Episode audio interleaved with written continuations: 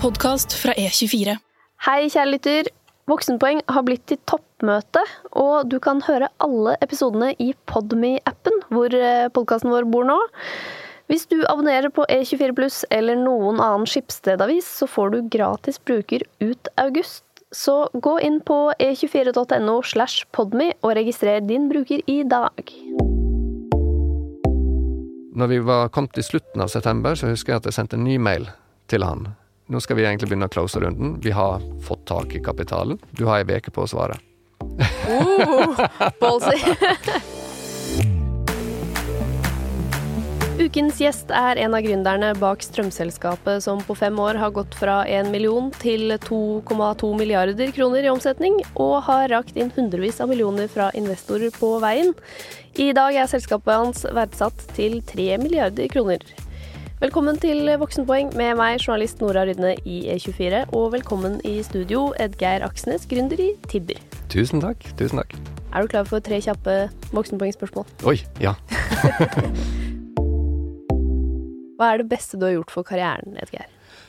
Stole på meg sjøl, faktisk. Fordi hvis jeg, eh, hvis jeg tenker på tilbake på det, så var jeg ferdig som student, og så skulle jeg jobbe, så tenker en veldig sånn klassisk karriere. Og jeg eh, var i på en måte helt, helt tradisjonelt sånn karriereliv i, i ti år. Og så, så var det vel egentlig noen gode venner som sa det at ja, men du brenner inne med så mye. Du må stole på deg sjøl og få det ut. Og det, var, det syns jeg var veldig godt sagt. Hva er det beste du har investert penger i? Det er nok Tibber. Definitivt. Vi putta inn eh, Ja, jeg putta inn hele alle mine oppsparte midler og, for å kunne egentlig få hele selskapet på, på, på beina. Så det er nok helt klart den beste investeringen. Og en del humankapital på vei nå. Og veldig mye, veldig mye tid. Uh, Ja, helt klart. Hva er det verste du har investert penger i, da? Oi.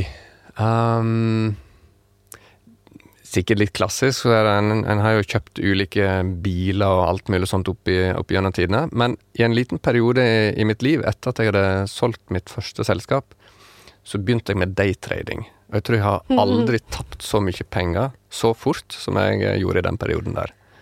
Det, og det, det var vel da jeg innså det at jeg, det, jeg skal ikke begynne med noe sånn aksjespekulasjon på, på si. Det, skal en investere i noe, så må det være seg sjøl eller noe som en kan veldig godt. Det blir ikke en investeringsgren i konsernet når Tibu blir større. Neppe. Edgeir, eh, du vokste altså opp i Vik i Sogn, Mm. har vi funnet ut. Eh, Hva ville du bli som ung? Jeg var, var nok veldig høytflygende som ung. Jeg hadde veldig mange faser, men eh, en veldig lang fase var nok det å bli astronaut. Ja. Så eh, jeg jobba ganske hardt som åtte-niåring med å designe av egen rakett i lag med en gjeng med, med, med, med unger. Dette var jo bare Ja, dette var jo bare selvsagt moro. eh, Men, eh, men hadde nok den eh, tanken med meg veldig lenge. Ok, Hvor lenge da? Nei, sikkert opp i tidlig tenåra. Ikke verst. Um, Og du da- tenkte liksom også at eh, for å bli astronaut så måtte du bygge din egen rakett? Ikke nødvendigvis, men, en, men, men det var nok eh, Ja, jeg har vel alltid vært veldig fascinert av å utforske. Vært veldig nysgjerrig. Og bare tanken på å sitte i en, et eh, romskip og, og, og se på stjernene og galaksen, det, det føltes jo veldig eventyrlig. Realiteten er sikkert at det hadde vært ganske kjedelig, Uh, tror jeg. Men, uh, men, uh, men, men det var nok en sånn eventyrtrang baki der. Så er det egentlig svaret på hvorfor du blir gründer, er at du ville bli liksom Jeff Bezos for å komme deg ut i rommet privat. Nei, den planen har vi vel så langt I hvert fall ikke offentliggjort. men, men jeg ser jo det. Jeg ser, jo veldig hvorfor alle disse her store store tech-gründerne ha det, det, det som veldig mye driver deg, er jo eventyrtrang, virker det som. Altså driver, driver de som starter, starter en business. Det er jo mye risiko involvert, det er veldig mye en skal utforske veldig mye som en ikke, ikke ellers ikke ja, har blitt gjort før. Og, um, så jeg, jeg skjønner jo hvorfor jeg holder på på den måten her, og så altså, er det nok en fryktelig god debatt om det er det man skal bruke tid og penger på. Um, men, uh, men, men bare det å få ut eventyrtrangen er jo eh, Ja, det er en kanal for det, ser det ut som. Jeg gleder meg til vårt neste intervju om 30 år, når du har vært i rommet. Ja, det var det, da. Ja, ja. Mm. Skal jeg huske dette? Men, men da astronautdrømmen eh, røk, hva, hva ble den nye planen? Ja, du, da, da var det nok eh, ganske mange ulike eh, omveier. Eh, jeg hadde en, en klar plan om å bli lege. Eh, og så var jeg inne på det å være på sjøen og bli kaptein. Eh, tenkte òg å bli flyger. Da var vi litt tilbake til det å, å ut, og, ut og utforske. Um, men allerede i, både på videregående og under studiene Jeg, jeg, jeg endte jo etter hvert på Siving-studiet. For jeg fant en veldig stor interesse i teknologi. Og jeg prøvde jo å etablere mine første selskap allerede i første klasse på videregående. Ja, du er den type gründer, ja. Eh, ja. Så, og da, da, var det, da hadde jeg funnet ut at software er jo masse spennende med, og um, lærte meg i løpet av en påske å programmere. Jeg fant ei bok eh, som noen på, hadde hatt på, um, på NTH, som det het den gangen da. Og fant ut at det, eh, her, her, kan en lage masse greier. Masse både nyttige ting og unyttige ting. Men, men uh, husker jeg brukte en del måneder på å lage en del software. Sånn, um, I dag så hadde, hadde, det sikkert blitt kalt EdTech, for det var sånn educational tech. Okay. Eh, bare noe sånn liksom? opplæringsprogramvare. Fast bestemt på at jeg skulle selge de greiene her, så jeg eh, booka møte med rektor på skolen. Eh, prøvde å selge det inn til det. Eh, skulle demonstrere de greiene. Jeg kom med det på en sånn gammel diskett. Ingenting fungerte. Men det var første forsøket mitt på å gjøre business med, med software. Det, og den, den forlot meg aldri etter det. Du må ha vært ganske god da, til å kode hvis du Nei, overhodet ikke. Okay. Nei, nei. Men, jeg vet ikke. Sånn, du gjorde det i en påske, jeg syns ikke det Nei, men En lærte seg en del ting, og så begynte en å kode, men nok særlig bra ble jo ikke det.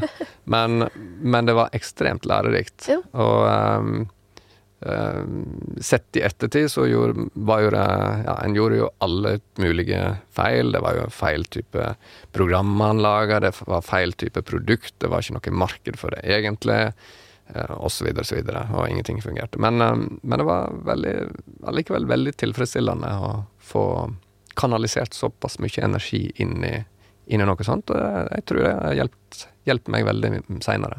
Hva sa rektor når du kom inn full av selvtillit med denne eh, ja, det var det. Han, eh, han sa vel noe diplomatisk som at dette her burde du kanskje ha tenkt litt på. Så det, det, var nok rett. Men eh, var det da du fant ut da at liksom software ikke for deg, eller eh, at du skulle ville gå videre med det? Jeg, da fant jeg ut at jeg ville gå videre med software. Så, uh, så, det, så på, dette var første andre klasse på videregående. Da fant jeg ut at jeg, jeg ville nok gjøre noe med software her. Så, så, det var nok da jeg bestemte meg for å uh, studere i Trondheim, uh, gå på Siving. Og um, ja, forfølge det sporet. Men det var, det var veldig mye vingling fram og tilbake. Veldig.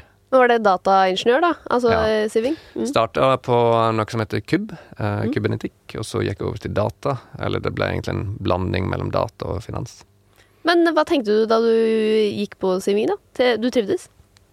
Ja, jeg, i første par åra så trivdes jeg faktisk ikke så fryktelig godt i, i studietilværelsen. Jeg, jeg, klarte ikke helt å finne meg til rette. Jeg fant ikke faget ble litt feil, og jeg bytte jo fra KYB over til, til, data, og da ble jeg mer hjemme. Men så fant jeg et sånt startup-miljø ah. i, i, Trondheim, som heter Start NTNU. Det, vi var 30 studenter som, som egentlig jobba for entreprenørskap, innovasjon osv. Blant, blant studentene, og som en alternativ vei i forhold til å gå rett til konsulentselskapet eller de etablerte. Og det var vel egentlig da jeg følte meg virkelig hjemme. Uh, så det tok litt tid. Så var jo det Jeg kommer jo fra en bitte, bitte liten plass. Uh, Vik har jo 1500 innbyggere, og så komme til uh, Trondheim der som jeg på det tidspunktet syntes var en kjempestor by, det var òg en ganske stor overgang. Ja. Så, så, det var egentlig masse, masse overganger på, på en, og samme tid, så jeg brukte litt tid på å føle meg hjemme. Uh, men, uh, men, men da jeg først gjorde det, så følte jeg meg virkelig hjemme. Da, ja. Det, det var òg da jeg starta mitt selskap eh, nummer både ja, både én og to i, i, den, i, den, fasen der. Ok, hva, hva, ble det, da? Eh, første selskapet, det var uh, Dette var jo på slutten av 90-tallet, så det var dotcom. Alle skulle ha heimeside, bedrifter skulle komme seg på nettet. Så det var jo et kjempemarked å bare, bare selge programmeringstjenester for, for heimeside. Så det var det første jeg gjorde. Eh, dreiv det ei stund. Men så gjennom dette startup-miljøet i Trondheim, så, så, møtte jeg to andre. Uh, vi startet et nytt selskap, jeg la ned det første. Og vi satser på løsninger for helsesektoren. Um, med alt ifra timebestillingsløsninger til um, reseptbestilling og alt mulig sånt uh, for publikum inn mot legekontor osv. Og, så og det, det selskapet starta vi i uh, tredje-fjerde klasse. Uh, det er jo femårsstudier der oppe, så jeg hadde et år fri for å få det på beina. Og, og det selskapet Ja, til å være studenter så gikk det ganske bra. Ja. vi solgte det til Visma i 2006, så det var det er 2005-2006. Det var ett år etter vi var ferdig med studi studiene. Så det, det, var jo en knallåpning på, på karriere, kan du si, etter, etter det. Ikke verst. Mm. Hva fikk dere solgt for, da? Ja, hva var det, da? Jeg satt, igjen, jeg satt vel igjen sjøl med et par millioner, tenker jeg. Eh, og så prislappen var mellom fem og ti en plass. Jeg husker ikke helt eh, nøyaktig tallet. Det er ganske mye for en student. For en student Eller så var det ganske mye for de fleste, egentlig. for en student så var jo dette her helt fantastisk. Eh, men jeg gjorde det med, med det. Jeg, jeg, bruk, jeg, brukte ing, ja, jeg, brukte en bitte liten eh, pott av de pengene. Men de putta jeg til side, og sa at de pengene her skal jeg bruke til neste startup. Det jeg ikke visste da, dette var jo 2005 uh, eh, Det jeg ikke visste da, det er at det skulle ta elleve år før jeg kom opp med neste businessidé. Og du greide å ikke bruke det? Ja, jeg gjorde det. Det er imponerende. Jeg hadde en helt klar idé om at uh, hus og forbruk og så videre, det, det må vi ha en uh, på en måte en økonomi som, som, går rundt i det daglige. Men det jeg, det jeg hadde eh, investert av tid osv., og, så videre, og egentlig alt mulig av, av, kreativitet i den fasen der, det vil jeg putte til side til å ha til noe, et annet prosjekt. Om det nå ikke nødvendigvis var for å bygge raketter, men, men for å bygge, bygge ja, Gi meg sjøl en, en, mulighet seinere til å eh, leve ut et eller annet konsept. Utrolig disiplinert. Herregud, hvis jeg hadde fått to mil som student, det, det hadde blitt mjøl. Det, ja, det ble jo litt av det òg, men, ja, det bra, men vi, vi, klarte å, klarte å spare unna. Ja. Ja. Det kunne også fort blitt sånn ja, bil. ja, det kunne fort blitt bil. Ja. Men eh, nei, det, vi, vi, klarte Eller ja, både Jeg må jo si vi, for at eh, jeg møtte jo Det var da jeg møtte kona mi. Så vi, vi, men da var vi enige om at den, den potten der, den, den holder vi utenom alt annet. Og så, eh, så, får vi ting til å fungere ellers. Og det, det, jeg er egentlig veldig glad for det, fordi at eh, for det første altså, En tvinger jo fram en liten disiplin hos, hos seg. Og, og, disiplin er jo noe som uh, er ekstremt viktig mm. hvis, en skal, hvis, en skal, gjøre ja, egentlig hva som helst, i enten det er karriere eller, eller, eller fritid. Men um, men det var jo hele den potten med penger. Jeg brukte alt i, i, de to første åra i Tibber. Litt gikk inn i startkapitalen, men resten ble jo brukt til å bare tære på de oppsparte midlene her. For da, for da jeg starta Tibber, så hadde jeg hadde òg to unger. Vi hadde hus, vi hadde bil, vi hadde eh, ja, alt som alt, alt, mulig rundt deg. Og eh, det forsvinner jammen fort når du har null i inntekt. ja. ja, så da kunne du takke unge deg selv. Mm, ja. ja.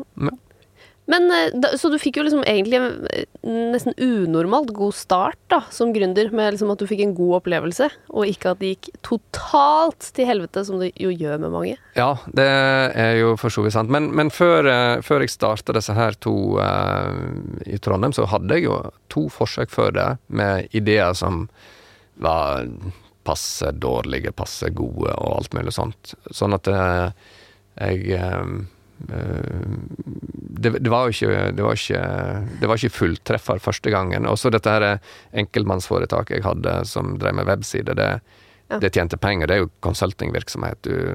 Det er time for time, så det var ikke noe superskalerende, det. Så jeg, jeg vil ikke si at det var en suksess, det var heller ikke en fiasko, men det var egentlig en helt grei ting å gjøre en liten periode. Ja. Du fikk noen læringsprosesser som Ja. ikke, ikke kostet ekstremt mye. Nei, og for så vidt Bortsett fra en- Det, det, ja, det, var, det tok veldig mye tid. Ja. Og, og det var vel egentlig I denne fasen her så er jo det Du er student, og du skal leve livet og alt mulig sånt, men eh, jeg forsaker nok veldig mye partyliv i den fasen her.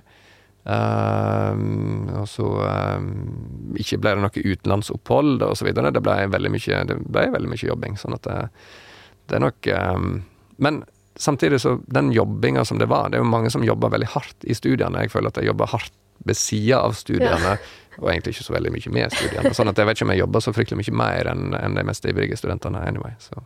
Men du greide jo da tydeligvis å gå ut med greie karakterer, siden du jo fikk fylt elleve år med vanlig jobb før det ble en nytt gründerprosjekt. Ja, eh, karakterene mine har jeg aldri trengt å vise til noen som helst. Nei, jeg har, jeg har aldri skikkelig søkt på en jobb. Jeg har eh, Og jeg har aldri trengt å vise det vitnemålet. Uh, så det er vel strengt tatt ingen som veit hva som skjuler seg bak den. Eh, men uh, men etter vi solgte det firmaet, så fikk vi gode jobber i Visma, alle vi som hadde vært med å gründe det firmaet. Riktig, Så vi fikk jo en del Bare med det at vi hadde solgt et selskap, så fikk en jo en reise inn i et konsern, og der ble jeg i mange år. Mm. Jeg ble det fem år etter vi hadde solgt det, inn, inne i det eh, konsernet. Og gjorde veldig mye rart der. Eh, Så fem år med litt sånn forskjellig Visma. Mm. Men du ble ikke konserndirektør der, men Nei, der uh, jobber jeg som eh, utviklingssjef, produktsjef, jobber med strategi en periode, jobber en del med salg òg. Og så eh, gikk over i et selskap uh, på Vestlandet, utenfor Førde, som het uh, Den gangen da så heter det Elis, og bytter det navn til Enoro. I dag så er det oppkjøpt av et australsk firma, så det heter noe annet nå. Um, der uh, starta jeg som utviklingsdirektør. Um, så etter to måneder i jobben så fikk jeg tilbud om å bli administrerende direktør. Så var jeg det i to år, og så fusjonerte vi dette her inn i en konsernstruktur, og da eh, overtok jeg den eh, internasjonale divisjonen der rundt software. Så da var jeg konserndirektør der i to år til. Yes. Ja. Det må man kunne kalle en slags rakettkarriere. Ja, innenfor det selskapet der så var jo det det. Mm. Um, så, og det var jo en ekstremt nyttig ting i forkant av Tibber. For det første, så det vi leverte, var jo software til energiindustrien. Så vi ble på den måten kjent med alt av software. Det var der jeg møtte Daniel, min medgründer i, i, i Tibber. Men, eh, men aller mest så var jo det bare å ha jobba innenfor en del etablerte selskap gir ekstremt verdifull eh, start eh, både, ja, både startkapital og startkompetanse når en skal starte eget selskap. Det er en del, det er en del feil du slipper å gjøre sjøl når du ser hva, an, hva feil man gjør i et etablert selskap. Ikke sant? Mm. Og så fikk du kanskje med deg litt lederegenskaper òg. Det er jo mange gründere som liksom ikke blir knallgode ledere, men du har jo Ja, en, en fikk jo virkelig testa på det, og jeg, jeg hadde jo virkelig lyst til å prøve meg som leder. Jeg, jeg forsøkte Høres kanskje litt lame ut, men jeg, jeg forsøkte å bli leder i Jeg hadde lyst til å være det, eh, både i Visma og i det selskapet her. Og, og det var en ganske stor drivkraft ei, ei stund. Men så fant jeg ut at det, det er ikke det som er viktig, det er det, på en måte det å skape noe som er viktig. Og hvem som da leder, og hvordan man da gjør det, fikk jeg da etter hvert et veldig mye mer pragmatisk forhold til. Ja, ok, så ledelse ga liksom ikke i seg selv så mye mersmak. Nei, det som ga noe, var at ledelse er mer et verktøy for å få noe gjort, Mm. og for å få noe skapt. Aha. Og det innså jeg eh, igjen litt tregt. Eh, litt sånn som eh, i studiene i Trondheim. eh, Det tok litt tid før jeg på en måte fant ut hva som var min greie. Men min greie rundt ledelse, og, og hvorfor jeg hadde da søkt mot det ganske lenge, det var egentlig å kunne få eh, På en måte ha en verktøyboks for å få, få satt ting ut i livet. Ja. Nesten litt filosofisk men Ja, det er vakkert. vakkert. Så eh, etter da elleve år i ganske sånn ordentlige, viktige jobber, mm. så gikk du for å liksom ikke ha Så noe gikk jeg for noe som Ja. ikke var ordentlig og viktig. Ja, noe sånn drit med noe strøm men- og noe Ja. Nei, men det, det er sant. Det var, det var på en måte veldig veletablerte stillinger, og man hadde feite lønninger, og alt var på en måte sikkert, og så videre. Og så eh, Jeg husker så veldig godt eh, Jeg var på guttetur. Så satt vi ute i en sånn hot tub, en sånn jacuzzi ute, alle, alle vi som var på tur. Vi var vel en seks-sju stykker. Så sa jeg at nå, nå har jeg sagt opp jobben. Oh. Eh, og slapp bomba der, og alle lurte jo på hva jeg hadde klikka for meg. for hva skal jeg drive på med nå? Jeg er ikke helt sikker. Eh, vi skal starte et selskap. Eh, det skal ha noe med energi å gjøre, og vi skal forandre hele energimarkedet. Eh, det skal ha noe med teknologi å gjøre, men vi vet ikke helt hva produktet blir, osv. Altså, vi hadde, vi hadde ideen eh, klar i forhold til hva vi ønsker å skape for kunder, men vi ante ikke hva produktet skulle være, businessmodellen eller noe sånt. Vi bare så at det, her er masse greier som ikke fungerer. For da, altså, Var det noe som irriterte deg med strømmarkedet, da du jobbet med det i, i den bedriften du kom Ja, veldig mange ting. Altså det- Vi oppsummerte vel egentlig strømmarkedet som at det- det er null, eller det var null innovasjon. Det var bare kjempedyrt, og alle prøvde å lure deg.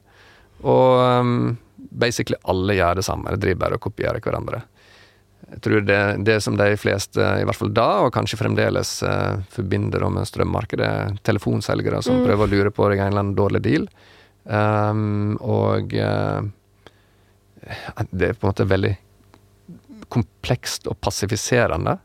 Og vi så at det her skal vi, skal vi lykkes i verden med, med å ha en, ha en plass for eh, framtidige generasjoner, så, vi, så må vi prøve å lage noen produkter som gjør at OK, du får kjøpt eh, du får eh, kjøpt strøm fra fornybare produsenter på en supersmidig måte, og det er ikke noe tullball. Det er ikke noe Ja, det, det er ikke noe sånn intrusive greie rundt, rundt eh, bare basisen der. Men det viktigste var egentlig å lage et, et verktøy som du kan ha i handa, der du kan sjøl få kontrollen, få transparens, få oversikt, og kan bruke teknologi for å redusere forbruket. Og det er jo Det er jo egentlig det som var min private målsetning òg, at jeg vil jeg vil at mitt hus skal bli strømuavhengig, i hvert fall i deler av året. Skal kunne klippe kabelen til nettselskapet og si ha-ha, eh, nå trenger ikke jeg dere. Eh, nå kan eh, huset mitt klare seg sjøl. Okay. Og det er nok en visjon som fremdeles ligger i bunnen i konseptet. At vi, vi er fremdeles bare i starten. Vi, vi har nå jobba masse rundt smart elbillading, smart oppvarming. Vi begynte også å jobbe veldig mye med solceller. Eh, og har jobba med analyser og, og masse produkter rundt dette her, for å så egentlig gjøre strøm vesentlig smartere Ja. enn en det det har vært. Ja, For foreløpig er dere fortsatt avhengig av strømleverandørene. Kan ikke klippe kabelen helt eh, Nei, og vi, vi er jo strengt tatt en Altså selv om vi er et Ja. teknologiselskap, så er vi jo de facto òg en strømleverandør. Eh, vi, vi har null fortjeneste på strømmen vi selger, så vi opp, ser på oss sjøl som en, vi er en plattform. Vi, eh, sånn at når du som kunde er der inne, så kjøper du rett ifra eh, den altså kostprisen som er mulig å ta ifra markedet. Vi legger ikke på noe. Og vi var den aller første, muligens vi òg den fremdeles den eneste, som, som bare har én deal. De aller fleste har jo 80 ulike avtaler, og så kjøp, får du én, sant, og så blir du bytta over til en annen som er mye dyrere, og, og sånn går det. Men, men vi har sagt at vi skal aldri tjene en eneste krone på strømmen som du forbruker. Og det var òg en del av eh, filosofien i, i, helt fra dag én av. Fordi at eh, vi så det at eh, hele bransjen der ute, hele, hele bransjen har egentlig en motsatt insentiv i forhold til deg som kunde, og i forhold til det planeten trenger. Og det betyr at jo mer du bruker, jo mer tjener disse strømselskapene og produsentene og nettselskapene og traderne. og Alle har samme businessmodell. Jo mer du bruker, jo mer tjener de. Men òg jo mer du bruker, jo verre er det for planeten. Så det vi sa at vi skal aldri ha det insentivet. Vi skal aldri tjene penger på deg. Vi skal sørge for at vi har det beste insentivet for å egentlig gjøre det samme som deg som kunde. Mm. Uh, og for å klare å få det til, så må vi aldri tjene penger, et eneste øre, på strømforbruk. Men vi må finne andre måter å gjøre det på. Ja, for hva tjener egentlig Tibber penger på nå? Hva, Vi har en, vi har en medlemsavgift Ja, det er bare den. Det, det er den vi tjener penger på. Og så har vi veldig mye produkt vi Ja. selger. Vi har skapt en stor markedsplass for smarte produkt som, som gjør at du, du kan få bedre kontroll på, på strømforbruket. Og den har vært en kjempesuksess, og så har vi et par nye forretningsområder som nå er under etablering, som blir òg en del av eh, konseptet. Ready to pop the question? The jewelers at BlueNile.com have got sparkle down to a science with beautiful lab grown diamonds worthy of your most brilliant moments. Their lab grown diamonds are independently graded and guaranteed identical to natural diamonds, and they're ready to ship to your door. Go to BlueNile.com and use promo code LISTEN to get $50 off your purchase of $500 or more. That's code LISTEN at BlueNile.com for $50 off. BlueNile.com code LISTEN. Framover. Men da du liksom gikk for eh, det her, altså hva, hva skjedde før den gutteturen der du bestemte deg for å si opp veldig god lønn og veldig trygge vilkår for Ja. å satse på noe som Kanskje går. kanskje går, og kanskje ikke? Ja. Um, nei, i, i løpet av de åra jeg jobba i dette her software-selskapet og leverte løsninger til energisektoren, så ble jeg kjent med Daniel. Og vi, vi møttes eh, Vi jobba veldig tett. Så jeg husker vi satt på en restaurant i Helsinki og diskuterte hvordan ser dette her ut for meg som kunde. Og vi begynte egentlig å reflektere rundt oss. Altså, vi, har, vi har så mye kule produkter og tjenester i dag, med, med Spotify, Uber, Airbnb. Alt dette var superhot på den tida der. Og så drev vi og observerte den bransjen vi jobba i. Med, kommer den bransjen her til å levere noe nytt til meg som kunde? Fordi at det jeg får levert i dag, det er jo bare en faktura. Jeg får ikke levert noe annet. Det er ingen verdi. Eh, Det eneste strømselskapet til, tilfører, det er egentlig at de sender meg en faktura. That's it. De tilfører null verdi. Og da var, da var vi så overbevist om at her må det komme noe helt annet enn de gamle, trauste eh, selskaper, 100 år gamle selskap som, som har en Vi kalte det en fossil businessmodell, fordi de driver og tjener penger på at du ødelegger planeten, basically. Så det var det vi kalte da en fossil businessmodell. Er Derfor begynte vi å kalle det dinosaurer, fordi at dette, dette her må jo dø ut. Dette er ikke framtid i. Um, så i løpet av den høsten, fra sommeren og utover høsten, så, så diskuterte vi disse her ideene fram og tilbake mange ganger, og til slutt så husker vi satt og hadde en uh, telefonsamtale at uh, nå har vi egentlig diskutert det her i to-tre måneder, og vi har en ganske klar idé. Og vi ser ganske klart at uh, dette kan vi gjennomføre der vi jobber i dag. Så enten så er dette noe vi faktisk prøver å rydde opp i, gjøre noe med og lage. Lage et produkt og et selskap rundt dette her og gjøre det all in. Eh, eller så må vi bare slutte å snakke om det. For dagen etterpå da sa vi opp jobbene, Yes. begge to. Hvordan var den følelsen å gå inn til sjefen og si 'jeg slutter' for å gjøre noe hemmelig? Da Når du har vært i en prosess og tvilt deg litt fram og tilbake, så er det ganske deilig å ha kommet til en konklusjon. Så det, det føltes veldig frigjørende. Jeg følte meg ekstremt fri den dagen og de dagene. Så gikk det et par uker, og da vi begynte å føle på desperasjon. Da tenkte vi at ah, vi, nå, hva har vi gjort nå? Ja. Og vi kan bare sitte her og tenke. Nå, vi veit ikke hva, nøyaktig hva vi skal gjøre. Vi veit ikke nøyaktig hva vi skal få til, og hvordan dette her skal fly, og hvordan går det med økonomien vår, og, osv. så videre og så. Så det var jo det, Men det, var, det, det er det jeg sier Man har jo et uttrykk om at man kaller det the startup rollercoaster', og det er jo, det er jo sånn berg-og-dal-bane. Det går skikkelig opp og ned. Skikkelig store store, dype daler, og, men så er ikke det så langt til neste topp heller. Så, så det, det var nok en eh, ekstrem fase. Når skjønte du liksom at dette faktisk kom til å gå, da? Mm, det tok flere år. Ja, okay. Fordi jo, altså vi var ganske overbevist om at vi skal få noe på, på beina, at vi skal klare, skal klare å få finansiering rundt det.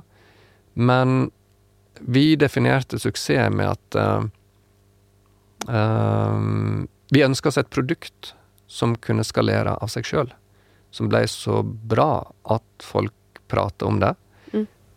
Og det var derfor det spredde seg. Altså du får en viral uh, spredning av det. Men det tok jo lang tid før det nådde et nivå vi var fornøyd med. Så jeg tror jeg vil si at det var ikke før i sent 2018 at det virkelig begynte å skje. Ja. Kanskje starten av 2019. Så by all means, vi hadde, vi hadde virkelig vokst bra på i, i før den tid òg. Eh, I alle mulige måte, etablerte standarder innenfor det markedet vi opererte. Men det var ikke det vi var på jakt etter. Vi var på jakt etter fem nivå over det der. På, eh, og, og, det tok lang tid før vi klarte å få, få, det skikkelig til å rulle. Og det er jo fremdeles den samme filosofien i dag. Vi har ikke en eneste selger. Vi er null selgere. Det var ja, det var en av de mange tingene vi gjorde. Vi skal bare være da fullstendig motsatt av det bransjen er i dag. Men Er det sånn at dere ser en boost hver gang? Altså, De siste årene så har, jo, har jo de etablerte aktørene fått veldig mye pepper. Ja. Og det har vært eh, rettssaker, og det har vært eh, sterk kritikk fra eh, Forbrukerrådet og mm. alle disse liksom, påslagene og avtalene. Og, ja. eh, er det sånn at dere kan se en liksom, spike hver gang det skjer? Ja, øh, men vi ser egentlig en spike hver gang det er attention rundt strøm og strømmarkedet. Ok, Så nå, nå som det har vært drithøye priser Høy pris, lav pris, eh, strømselskap som blir tatt for i, i anførselstegn svindel, mm. og masse slike ting. Det, det, skaper stor attention rundt dette her. Og vi har utrolig engasjerte kunder. Mm. Og så har vi, som sagt, vi, vår vekst kommer ikke som resultat av hvor mange selgere vi har, eller telefonselgere og alt mulig slik eh, tullball, men det kommer av hva er verdien du får ut av dette her? Eh, er, hvor, hvor store ambassadørgrupper du har? Og den har bare vokst og vokst og vokst. og vokst. Så hver gang det er attention rundt det, så, eh, så, det, så, så merker vi det med en gang. Så nå i det siste har vi jo eh, vi har slått rekorder hver eneste uke. Ikke verst. Mm. For jeg vil liksom tippe tippet at uh, sånn breakthrough kom Nå har jo ikke jeg vært gründer noensinne, da, så jeg aner jo ikke hva jeg snakker om. Men jeg bare så for meg at det var da Petter Stordalen gikk inn som investor. For det er jo liksom ja, sånn big name, og dere ble satt litt på mm. dagsorden. Jo, men det, det, kan du si på én måte, for at da, var det noen som Det var et stort navn som kom inn, uh, superrelevant navn òg, uh, eh, men som putta på en måte validitet, validitet og kredibilitet bak oss og konseptet. Men på det tidspunktet kan du si at vi, vi, var Vi hadde en slags breakthrough rent kommersielt som, som eh, et investeringsobjekt. Ja. Men det var ikke det som var viktig for oss. Det som var viktig for oss, det var at vi så hvordan kundene plukka opp det vi prøvde å lage, at det ble populært, at det ble satt pris på. Uh, og det, det, tok mye lengre tid. Hvordan kom Stordalen inn, da? det var jo Uh, det, dette var en fase der vi Ja, det var første runde. Uh, vi skulle hente penger. Vi skulle hente rundt 2,5 mill. Og vi fant ut at OK, la oss sørge for å få inn noen sideinvestorer. Og vi hadde nok Vi fant jo ut at her, her, klarer vi å hente de pengene. Men så satte vi oss ned, og så prøvde vi å definere opp hvem er de tre navnene vi aller helst ønsker skal være med, som kan være med de som er med å bringe oss videre i neste fase. Og da var Petter et av de navnene som jeg satte opp. Daniel satte opp et annet, osv. Men så når vi hadde gjort det, så var vi dumme og naive, og bare Jeg googla, prøvde å finne adressa til Petter. Den fant jeg. Sendte han en e-post. Eh, skrev fire linjer. Eh, og sa at her er dette en investeringsmulighet til deg. Dette bør du være med på. Uh, ja, mer eller mindre på den måten. Og jeg tenkte at jeg får sikkert aldri svar. Men jeg fikk svar. Uh, da var jo det um, Da hadde jo han vært ute og annonsert Strawberry-million. At ville, han ville kjøre en konkurranse blant gründere, og han ville investere i, i den eller de beste ideene. Så det var ikke jeg klar over, men det var egentlig svaret tilbake. At ja, men bli med på den konkurransen her. Uh, og um, dette var i, sikkert i august-september eller noe sånt. Og når vi var kommet til slutten av september, så husker jeg at jeg sendte en ny mail til han. Uh, der jeg skrev at ja, jeg har ikke hørt noe mer om denne konkurransen. Så, um, men nå, vi, nå skal vi egentlig begynne å close runden. Vi har fått tak i kapitalen. Så um, du har ei uke på å svare.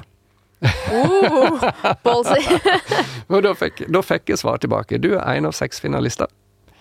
Så velkommen til The Thief. Uh, den og den dato. Uh, da er det pitching og finale og full, full rulle. Så dit troppa jeg opp, full av nerve.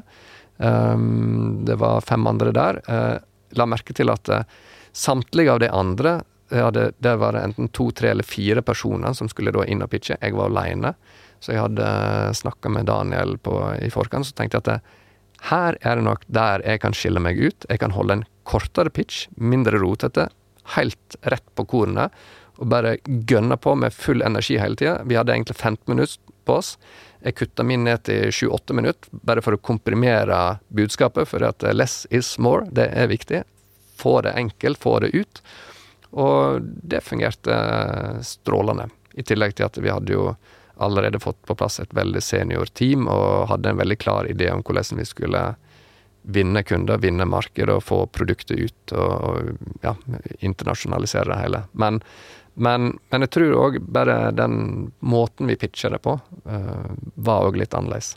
Aha. Mm. Og så vant dere. Så vant vi. Og så gikk vel Stordalen inn også senere med litt mer? Ja, han har gått inn Han gikk inn i uh, tre eller fire runder. Ja. Uh, Fram til nå som han solgte seg ut. Ja. ja. Så er Skipsted-tura inn isteden. Ja, ja, ja. Absolutt. De kom jo Det var jo eh, Jeg var jo blitt kjent med Skipsted eh, gjennom et par år. Eh, der, der, de hadde vist veldig stor interesse for selskapet. Og så kom de og egentlig pitche en idé rundt et svensk selskap som Skipsted eide. Det heter Kunnkraft vi begynte å titte på denne casen i lag og fant ut at her, her bør vi faktisk gjøre noe. Her, her, ser vi en del muligheter. Og den ble jo noe av nå i sommer. Det, det ble i hvert fall public nå i sommer. Og da kjøpte vi det selskapet. Men måten vi kjøpte det på, det var jo at vi gjorde Vi, vi kjøpte ikke det med cash. Vi kjøpte det med å gjøre opp og utstede nye Tibber-aksjer, slik at Schibsted ble da eier i Tibber. Mm. Og det er jo en måte å, å vokse på, hvis du, hvis du, på en måte sitter på en uh, attraktiv asset, og den er en av de mest attraktive assetene vi har, eh, det er jo Tibber-aksjer. For det er veldig stor interesse rundt det. Og det er veldig begrensa hvem som får kjøpt det. Eh, sånn at det, det er jo noe som har vært eh, Ja, det er jo noe som jeg på en måte Både jeg og Daniel og så videre lærte oss i, i, i der vi jobba før, at man må ikke alltid kjøpe ting med, med, kontanter man kan gjøre opp på andre måter òg. Og det, det, er nok noe Det er kanskje et tips til, til gründere i dag, at det, det finnes mange måter å bygge, bygge, verdier på. Blir ikke det litt som å kjøpe ting med bitcoin? At det plutselig så har du kjøpt opp for det sånn, verdt veldig mye mer? Ja, Eventuelt mindre, da, men uh. det, Ja, altså du det man gjør opp, det er jo et snapshot der og da. Ja. Og så kan det bli mer eller mindre verdt seinere, men uh, men det er jo nettopp det som ligger i, i forventningen, at den verdien skal stige. Mm. Og skal stige kraftig. Hvor mange aksjer har du selv nå, eller hvor stor andel sitter du på? Jeg sitter på er det rundt 15-16% og vi gründerteamet og ansatte sitter vel til sammen på en, ja, en, plass mellom 30 og 40 Ikke sant. Ja. Skal dere på børs? Det får vi masse spørsmål om. Jeg vil si mest sannsynligvis. Spennende. Um, ikke helt ennå. Uh, vi har litt vi skal oppnå før vi skal på børs. Uh, det er jo Jeg har ikke lyst til å gå på børs, og så blir, går det som en jojo. Jeg føler at børs, da, må en da må en komme til et nivå der en, uh, der en går litt ut av denne her Ikke nødvendigvis går ut av vekstfasen, men, men akkurat nå er vi i en såkalt hypervekstfase som er Den er så ekstrem, og den krever veldig kompetente investorer. Og, eh, og, da har vi hatt stor glede av å eh, Ja, nå er det siste jobbe med Schibsted, men òg eh, jobbe med Founders Fund fra Silicon Valley, Bolderton og Eight Roads Capital fra London, og den typen selskap som har gjort så mange sånne reiser før, og veit veit en del av det som skal til for, for å komme gjennom det. Mm. Vi har en spalte her i podkasten. Tabbespalten. Tabbespalten. Hva er den største tabben du har gjort i karrieren din? Eh, jeg tror den lista med tabber er så lang. eh, At, eh, men en av de som jeg har gjort i Tibber-sammenheng, det er mm, Det er nok ikke lytta til et par gode råd, eller spesielt ett godt råd som jeg fikk fra Founders Fund. Det, var, det var de som ble da lead-investor i, i vår såkalte serie A-runde. Da henta vi 120 millioner. Og da husker jeg at de Han ene der, han heter Zack, han sa det at eh, du må huske å planlegge for suksess. Nå må du bygge for suksess. Og jeg skjønte ikke hva det betydde. Jeg ante ikke hva det betydde. Jeg klarte ikke å oversette til hva det betydde. Men det bet I ettertid har jeg sett hva det betydde, men, men en del av det, det rett og slett at vi fikk etter hvert en veldig stor vekst. Det var rundt på det tidspunktet det virkelig begynte å virkelig begynte å, å eh, gå unna. Og eh, han, han brukte et sånt uttrykk Vel, du kommer til å på et eller annet tidspunkt å oppleve at du, du prøver å drikke vann ifra en brannslange. Og det var, det var egentlig sånn det opplevdes med, også, med å bygge selskapet, bygge teknologistekken vår, bygge kundeserviceapparat, få det til å skalere ut av landet osv. Men, men da oppdager jeg at ja, nei, nå har jeg brukt et år, og jeg har ikke brukt den tida for å øh, forberede oss på suksess. Fordi vi i Norge har jo en kultur med å bygge stein på stein. Men når plutselig en, får en kommer inn i en sånn hypervekstfase, så går det så fort. Og en gjør nye feil hver eneste dag. Men det jeg ser i ettertid, at hadde jeg vært mer aggressiv på å bygge enda raskere, så er det veldig mange problem jeg hadde unngått i ettertid. Ikke sant? Kan hende at jeg hadde fått helt andre problemer òg, men, jo men i hvert fall i dag så oppleves det som en av de største tabbene. Jeg lurer på en ting. Jeg, jeg har jo lest regnskapene deres eh, før du kom, og jeg har bare regnskapene fra 2020. Det var de jeg fant. Eh, og der legger jeg jo merke til at et selskapet ditt som er verdsatt i 3 milliarder, mm. så har ikke du tatt ut mer enn kanskje liksom en sånn median norsk lønn. Mm. Så du har jo ikke Du har jo ikke blitt rik på dette. Når skal du bli det? Um, hadde, Eller hadde, hvis blitt, man regner inn uh, det, vært- Tibber-aksjene, hadde det vært viktig Ja. å, å være rik, eller leve på en måte et sånt penge, pengesløse liv, skulle du si, så hadde nok ikke starta selskap i in the first place. Uh, for for hadde, det hadde jo vært uklokt. Men jeg er blitt uh, veldig rik på opplevelser og erfaringer. Uh, Vakkert sagt. men, men, eh, men det, vi, det vi gjorde i, helt i starten, vi, både jeg og Daniel, vi tok ut null i lønn første året. Og så begynte vi å heve ei lønn på rundt 400 000. eh, og så har vi økt den litt. Grann, så den begynner, begynner å nærme seg et uh, levelig nivå nå. Eh, men eh, men det, var, det var en veldig tøff omstilling, for at jeg gikk ifra ei superduper direktørlønn til, til null. Det, det, var, det er nok noe av det mest eh, dramatiske jeg har vært med på. Rent sånn hva er det familien må omstille seg til Ja. i løpet av veldig kort tid. Um, så, men men nå, nå eh, tar vi ut en, en type lønnsnivå som gjør at eh, vi klarer oss å ha vel så det. Uh, det skal sies at uh, privatøkonomien min var veldig ok da vi starta Tibber. Jeg hadde et fullt nedbetalt hus. Så jeg hadde, ikke, jeg, hadde Ja. ikke, jeg hadde ikke det problemet. Jeg trengte ikke å tenke på det. Og det er nok Det tror jeg var veldig, veldig deilig å slippe å ha de private bekymringene med seg inn i en sånn fase. Så jeg, tror vi har nok vært litt heldige med, med på, på utgangspunktet der. Men men eh, òg egentlig tenkt som sånn at eh, skal vi lykkes i business, så må vi òg bare Vi må bare gjøre de viktigste tinga. Vi kan liksom ikke gå rundt og sløse. Uh, verken privat eller i business. Så vi har nok vært eh, veldig nøkterne rundt det. Av og til litt for nøkterne, sikkert, men, eh, men eh, jeg tror vi kompenserer bra i- fra tid til annen òg. Ok, for La oss nå si da at dere går på børs, og du realiserer noen av de aksjene du har. Mm. Og får inn noe liksom skikkelig fuck you money, som man kaller det. Hva er det første liksom luksusen du skal spandere på deg selv? Ja, men det, det er litt av det at det er ikke Jeg har ingen sånne spesielle ting. Men Men nei, men eh, nå, Ja. nå har vi Vi har to elbiler, vi har hus, vi har alle de tinga der, og um, jeg, Det jeg er mer opptatt av, det er å gjøre noe kult med ungene, gjøre noe kult med venner. Jeg er helt obsesst av å klatre nå for tida. Ja. Buldre. Så eh, hvis jeg skulle unne meg noe luksus, så hadde jeg mer tatt, et, eh, tatt eh, noen sabbatsvek eller sabbatsmåneder og bare reist og klatra tre måneder i strekk. Det er nok mer på det nivået. Ja, men den er bra, den, da. Eller, eller, så er vi tilbake til ta med barna til verdensrommet. Oh, ja. Men når du Ja, la oss si igjen at vi, dere går på børs. Mm. Da er det jo mange gründere som ryker ut. Ja. Har du tenkt på liksom om karrieren din i fremtiden er i Tibber, eller eh, kunne du tenke deg å gå ut og begynne fra scratch? Uh, det, det er nok det, det spørsmålet jeg har stilt meg sjøl mange ganger. Når er det jeg fremdeles motivert til å gønne på? Og jeg har egentlig stilt meg det spørsmålet sånn Eller tatt nesten en sånn skikkelig oppgjør med meg sjøl hver eneste sommer.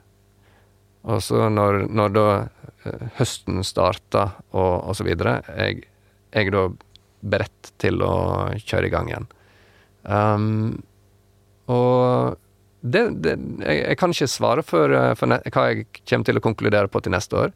Men så lenge jeg føler jeg sjøl at jeg har, jeg har så mye utretta, her er det utfordringer, det går ikke i det går ikke i en sånn operasjonell modus, så er det full guffe.